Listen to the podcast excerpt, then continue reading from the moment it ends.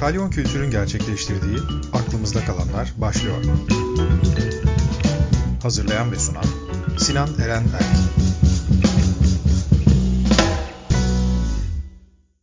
Herkese merhaba. Aklımızda Kalanlar programına hoş geldiniz. Bu bir podcast yayını olarak e, sürdürdüğümüz programlardan bir başkası. Bugün e, sanatsal pratiğini konuşmak üzere Tuğçe Diri bizlerle beraber. Onunla hem kendi sanatsal pratiği üzerinden bir konuşma yapacağız hem de e, bu son dönemlerde içinde yaşadığımız durumun hepimize olan etkilerinin nasıl olabildiğini ya da nasıl ortaya çıktığını konuşacağız. Tuğçe merhaba. Merhaba Sinan. E, nasılsın? Nasıl gidiyor günler şu anda? Ee, iyi, iyi gidiyor. Yani iyi götürmeye çalışıyoruz daha doğrusu. Daha doğru olur böyle söylemek. Ee, çalışıyorum genel olarak. Kafamı oyalamaya çalışıyorum. Bedenimi de oyalamaya çalışıyorum bu şekilde atlatmaya çalışıyoruz. Sen nasılsın? Ee, ben de iyiyim. Ben de yine aynı şekilde e, bu salgın ve işte kapanma günleriyle beraber e, kendi pratiğime devam etmeye çalışıyorum. Evet. E, peki bir şey soracağım. Sen bir sanatçı olarak genellikle de benim seni tanıdığım kadarıyla çok da fazla evde durmayan bir sanatçı olarak bu günleri nasıl geçiriyorsun? Son günlerde özellikle son 10 günde hepimizin daha bunaldığı bir dönemde sen neler yapmaya başladın? Yani tabii ki aslında üretimimi çoğalttım. Yani normalde dışarıda geçirdiğim vakit tabii ki içeriye kaldı. Dolayısıyla daha fazla vakit ve daha fazla yani zaman kazanmış oldum. Açıkçası ben bunu üretime bağlayarak geçirenlerdenim. Çok da yadırgadığım bir süreç değil. Yani çok zorlanmıyorum açıkça söylemek gerekirse. Hatta arsızca çalışıyorum öyle diyeyim. Bundan böyle garip bir şekilde de keyif alıyorum. Çünkü e, açıkçası biraz kaygılarım azaldı. E, nasıl söylesem elimde kalan kağıtlarla ya da işte ne varsa malzeme olarak tamamen onları tüketmeye başladım. Böyle bir mükemmel yapmalıyım. Şimdi her şey çok güzel olmalı kaygısı kalktı dolayısıyla. E, bu da kafamı rahatlattı. İster istemez bu da üretimime yansıyor. Dolayısıyla keyif alıyorum aslında.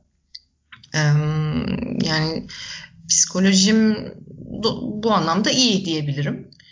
E, gerçi bu da garip bir tekrara döndürüyor.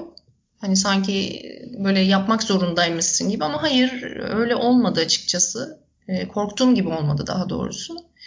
E, onun haricinde diğer normal bütün gündelik ya ev içerisindeki gündelik yaşantımı devam ettiriyorum. Biraz da canım ne isterse onu yapıyorum açıkçası. İşte istediğim filmi izliyorum. E, temizlik yapmak istemiyorsam yapmıyorum. ya da işte e, ne bileyim spor yapıyorum biraz gibi gibi geçirmeye çalışıyorum. Umarım tabii böyle devam eder. İleriki zamanlarda nasıl olur bilmiyorum. Hani bundan da bunalabilirim ama e, direniyorum yani. Bu Peki, şekilde geçiyor. Bu süreçte sanatsal olarak tükettiğin şeylerde bir değişiklik oldu mu? Tükettiğin derken? Yani izlediğin filmler ya da dinlediğin müziklerde herhangi bir artış ya da bunların e, işte janralarında farklılaşma gibi şeyler yaşadın mı? Şöyle bir şey oldu. Müzik açısından konuşmak gerekirse bundan bir ay önce e, üretirken ben artık çok bir şey dinleyemiyordum. Yani çünkü e, sessiz kalmaya ihtiyacım vardı açıkçası. Şimdi sessizlik çok iyi geldi. E, daha çok anı yakalamaya başladığım için artık biraz daha müzik dinlemeye başladım.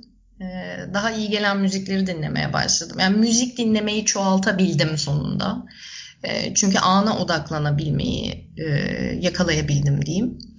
Ee, bunun haricinde tabii ki ilk günlerde yani bir ay öncesinde bir hafta içerisinde sanırım bütün salgın filmlerini tüketmişizdir diye düşünüyorum. Sonra tabii o da iyice bir afagan bastırdığı için Sonra bir, bir haftalık bir dönemim tamamen komedi dizileri üzerine geçti falan.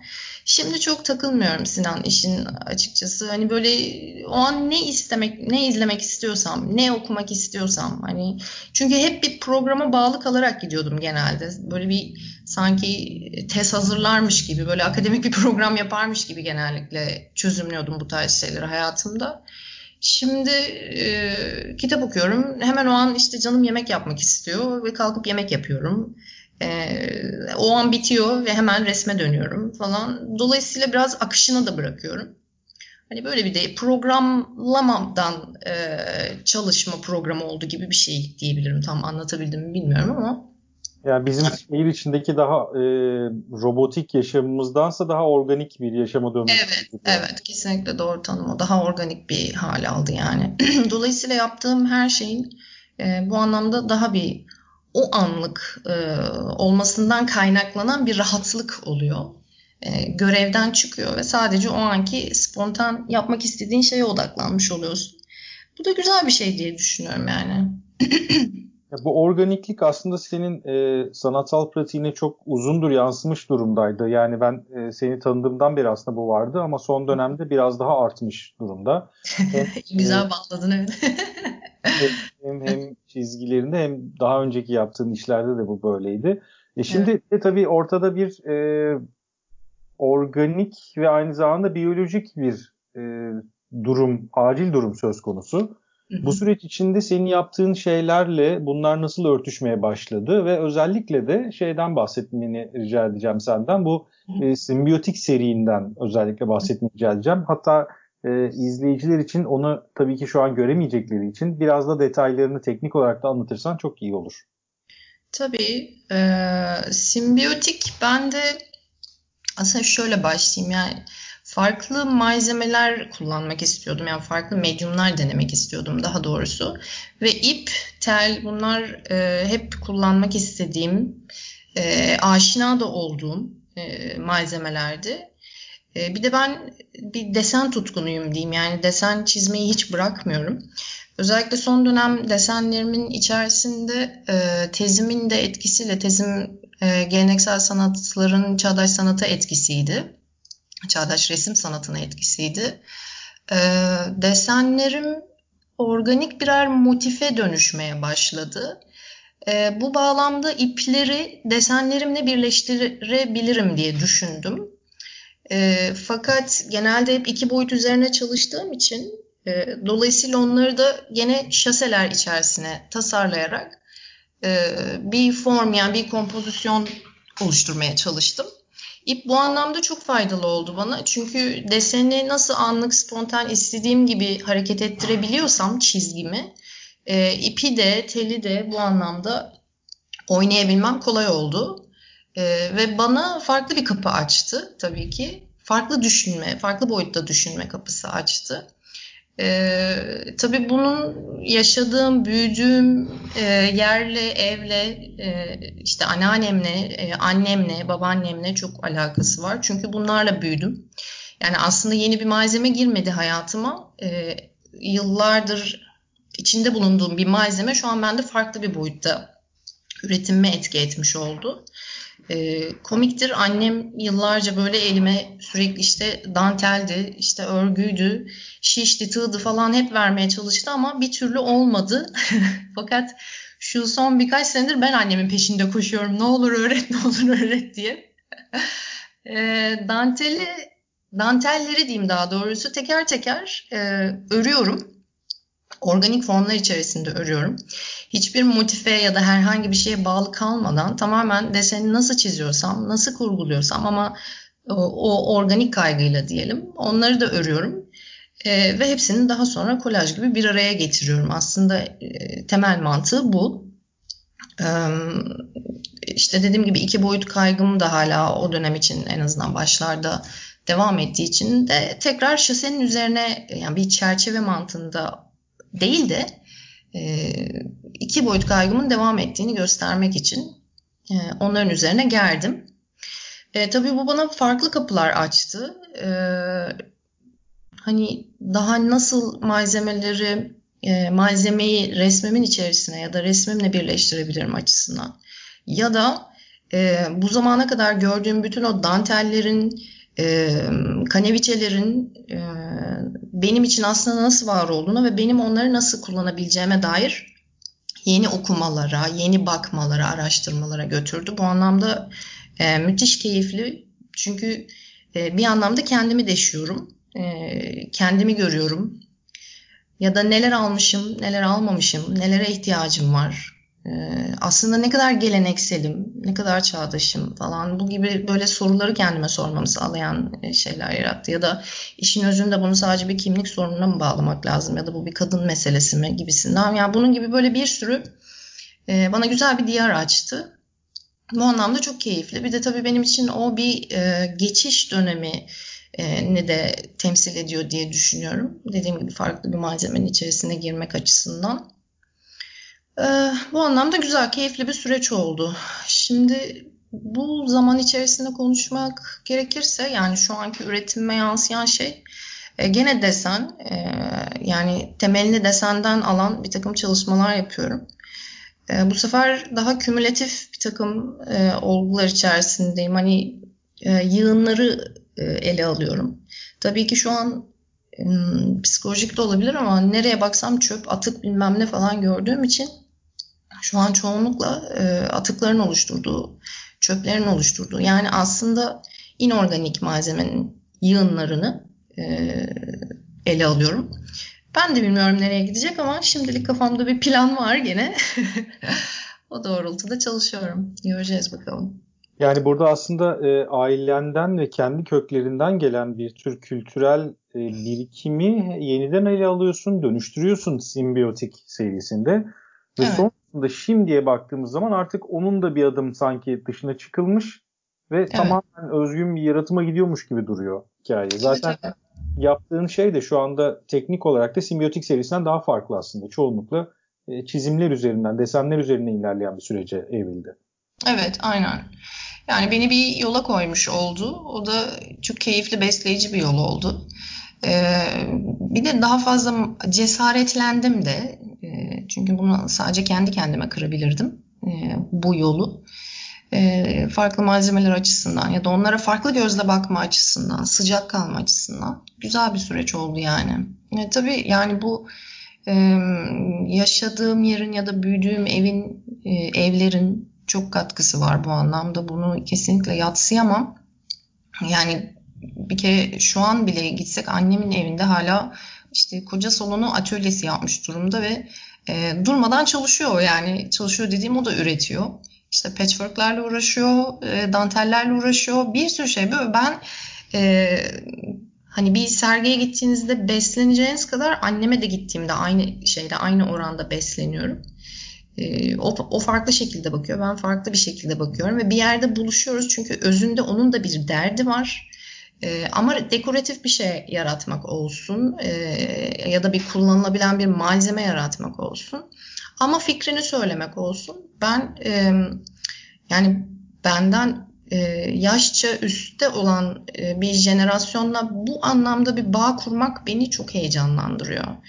E, ve dediğim gibi buradan bütün e, kimlik problemleri üzerine ya da kimlik meseleleri üzerine de konuşabiliriz ya da bunu hmm, işte kadın olmakla da hani annemle kurduğum bir bağda kadın olmakla da alakalı bir şey üzerinden de gidebiliriz. Ama sanki farklı dönemlerin bir an arşivini, belgesini tutuyormuşuz gibi ve bunu aynı frekansta paylaşıyormuşuz gibi hissediyorum. Bu da çok keyifli tabii.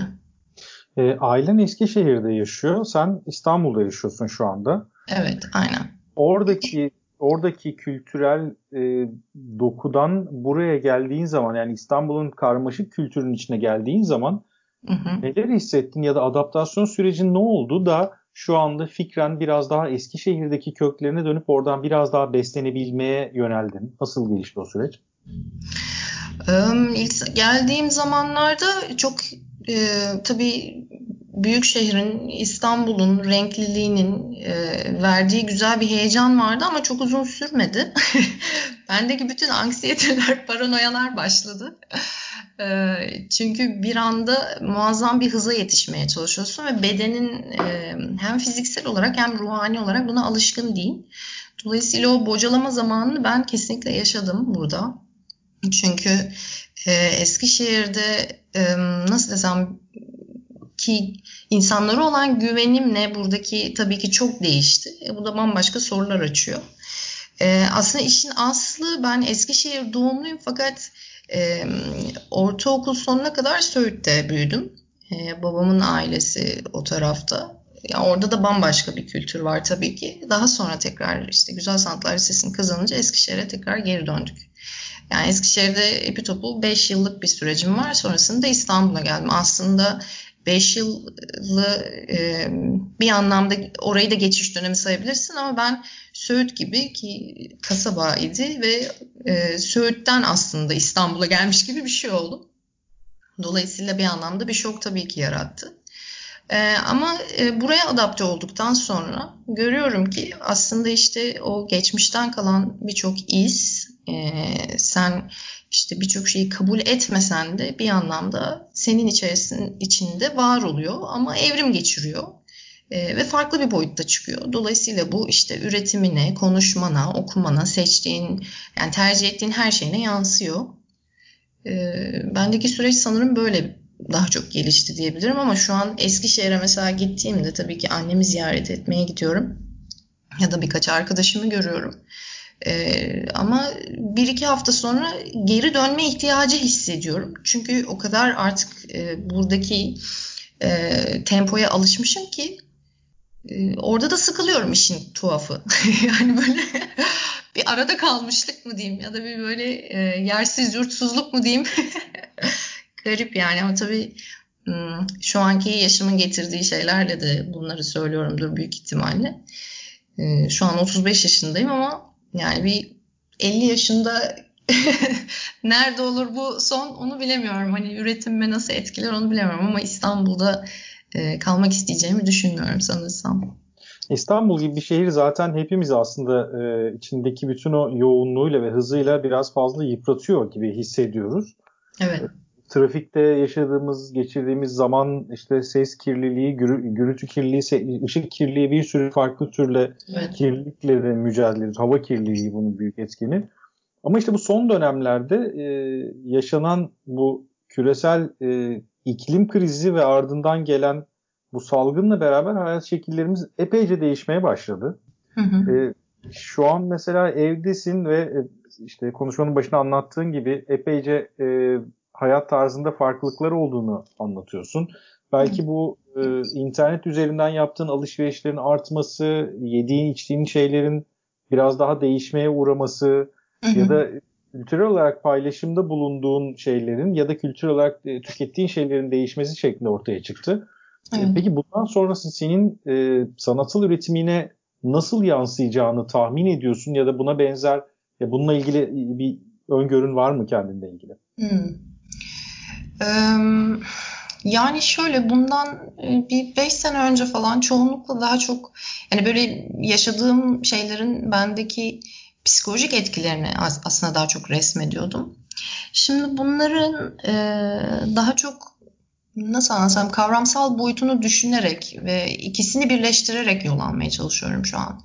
Ama bundan sonra inan e, hiç, hiç bilemiyorum ki yani Hani bundan 5 ay önce konuşsaydık muhtemelen şu an bu cümleleri kurmuyor olacaktım. Çünkü tahayyül bile edemiyor olacaktım.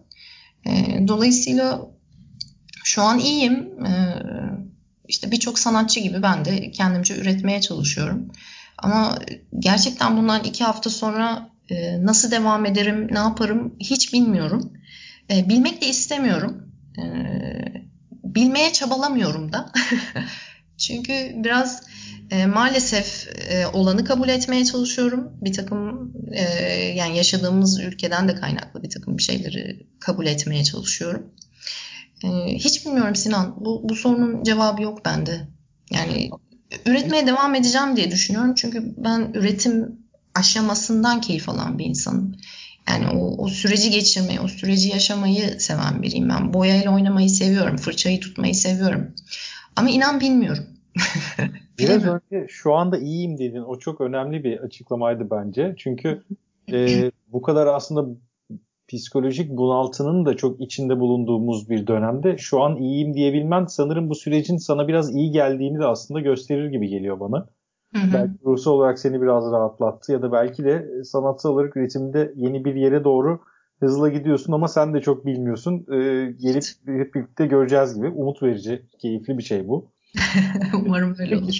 E, asıl şöyle de bir şey, sorum olacak. Bu da e, çok merak ettiğim bir konu ve bir sanatçıdan ne düşündüğünü de çok öğrenmek istediğim şeylerden biri. Bu dönemde biz online galerilerin ve online müzelerin çok fazla ön plana atıldığını görüyoruz. E, galeriler ya da müzeler kendi koleksiyonlarını ya da sergilerini açıp bunları e, herkesin gezebilmesine uygun bir altyapıyla sunmaya çalışıyorlar. Evet. Sence bu e, iş gelecekte bizi nereye getirir? Yani bu daha mı sıklaşacak ya da bizim müze gezme, galeri gezme alışkanlıklarımız üzerine bir etkisi olacak mı? Veya işte bizim hep bir galerilerde gördüğümüz o beyaz küp mantığını biraz bozmaya başlayabilir mi sence? Bence beyaz küp mantığını bozacaktır e, diye düşünüyorum. Çünkü ben mesela şu an şu süreçte hiç online galeri, sergi, müze gezmedim. Denedim, çabaladım ama olmuyor. Ee, şu an yapamadım yani onu. Hatta daha bugün sabah konuşuyorduk Hakan'la. Ee, yapamıyorum çünkü e, alıştığım bir beslenme ya da görme ya da bakma şekli var. Şu an onun dışına tam olarak çıkamıyorum. Ama bunu e, zaman içerisinde alışacağım diye düşünüyorum. Bir de kaçamayacağım bir gerçek olacak. En nihayetinde e, bu nasıl desem e, çok zor bir süreç. E, herkes e, ekonomik açıdan etkileneceği bir süreç. E, tabii bundan tabii ki galeriler de, müzeler de, yani bütün sanat kolektifleri, sanatçılar, küratörler, yazarlar birçok kişi etkilenecek. Birçok sektörün etkilendiği gibi. E, dolayısıyla buna dönüşecektir diye düşünüyorum. Yani artık o online sergi gezme, online satış e, o kendi içerisinde zenginleşecektir diye düşünüyorum.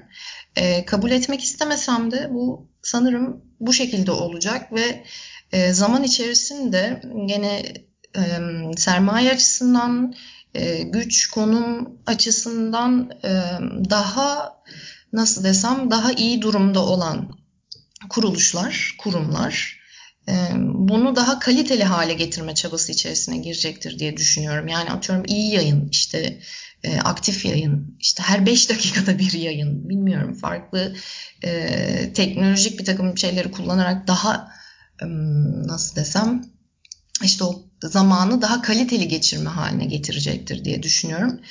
Bunu sağlayamayan galeri ya da sanatçı geri planda kalabilir diye düşünüyorum açıkçası.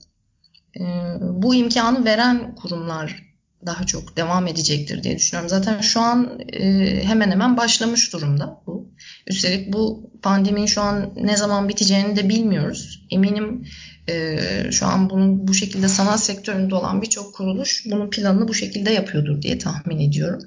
Şu an mesela yurt dışında e, normalde işte salgın olmasaydı bir sürü fuar olacaktı. Ama şu an hepsi onların sanal tura dönmüş durumda. Ee, ve en iyi, en güzel görüntüyü işte en üç boyutlu açıyı verebilen e, site diyeyim baktırıyor, izlettiriyor ya da en iyi fotoğraf açısını veren site baktırıyor, izlettiriyor. Dolayısıyla bu imkanlara sahip olan e, kuruluşların, kurumların, sanatçıların, e, galericilerin e, yoluna devam edeceğini düşünüyorum açıkçası. Ee, tabii bunlar benim de kısa vadeli düşündüklerim. Bundan gene e, atıyorum bu bir sene bu şekilde devam edecekse bir sene sonunda e, e yeter be de diyebilirim izleyicilerin çoğu. Çünkü ben bile şu an adapte olamıyorum bu e, sanal online gezme muhabbetine. E, ama genel olarak düşüncem bu. Daha çok. Bu Tabii yani bu online ve sanal turlar ya da galerilerin e, artması ya da işin e, mahiyetin daha çok sanal ve dijital ortama çekilmesi demek bir noktadan sonra eğer bu şekilde devam ederse sanatsal üretimi de değiştirmeye başlayacak demektir. Evet. Yani belki daha e, az pentür görüp, daha az belki heykel görüp, belki daha fazla VR görmeye başlayacağız. Hı hı. Tabii bu da baktığımızda kısa dönemde değil belki ama uzun dönemde sanat tarihinin ciddi bir kırılması olarak da algılanabilir.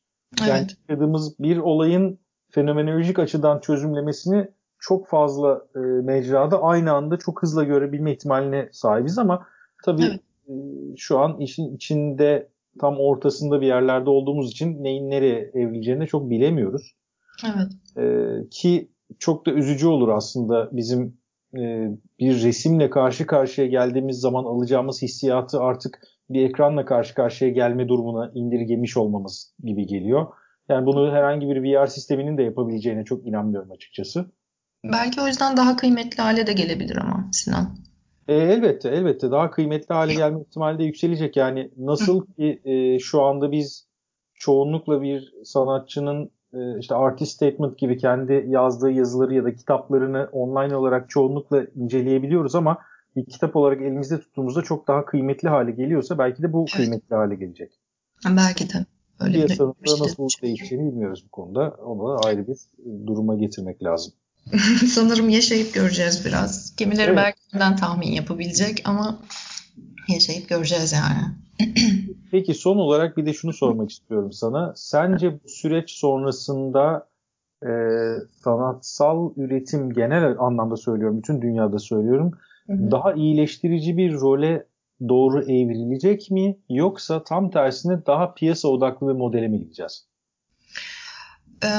İkisine de tam net sonuç veremem çünkü e, yani burada aslında sanat sever olarak e, herkes nasıl bakmak istiyorsa biraz öyle görecek. Gene bunu daha çok piyasa malzemesi haline çevirecek ya da daha da tüketim malzemesi haline çevirecek bir sürü insan var. Bunu bu şekilde tercih edecek de bir sürü insan var. Ama e, bir taraftan da direnip üretmeye çalışmaya ve bunu e, yaşam için bir ihtiyaç olarak görmeye devam eden de bir sürü insanda olmaya devam edecektir diye düşünüyorum. Yani dediğin sürecin gerçekleşmesi için çok büyük jenerasyonların atlaması lazım diye düşünüyorum ya da öyle umut ediyorum onu da bilmiyorum. E, ama ikisine de tam net sonuç bağlayamam. Bence e, her türlü burada politika e, ve nasıl desem kapital sermaye tabii ki baskın olacaktır. E, çok da polyana düşünmenin alemi yok. Ama bunun yanı sıra e, direnip de çalışmaya devam eden de dolayısıyla da izleyicisi de sanat de olmaya devam edecektir diye düşünüyorum. Yani şu andan çok farklı olacağını açıkçası ben düşünmüyorum. Sadece belki birazcık kabuk değiştirecek. Hepsi o diyorsun yani. Aslında. Her zaman öyle. Yani bütün sanat tarihine baktığımızda da böyle değil mi? Yani yönetim süreci, hükümet ya da işte e, devlet politikaları ne olursa olsun sanat bir şekilde e, ama öyle ama böyle yani dediğin gibi ya işte piyasa olarak ya da işte gerçekten sanatsal eser olarak bir şekilde varlığını sürdürmüş. E, sadece konu değişiyor yani. Öyle değil mi ya da? biraz öyle galiba. Biraz öyle galiba. Süreci sanat tarihçileriyle beraber hep beraber okuduğumuzda ortaya epeyce bir şey çıkıyor.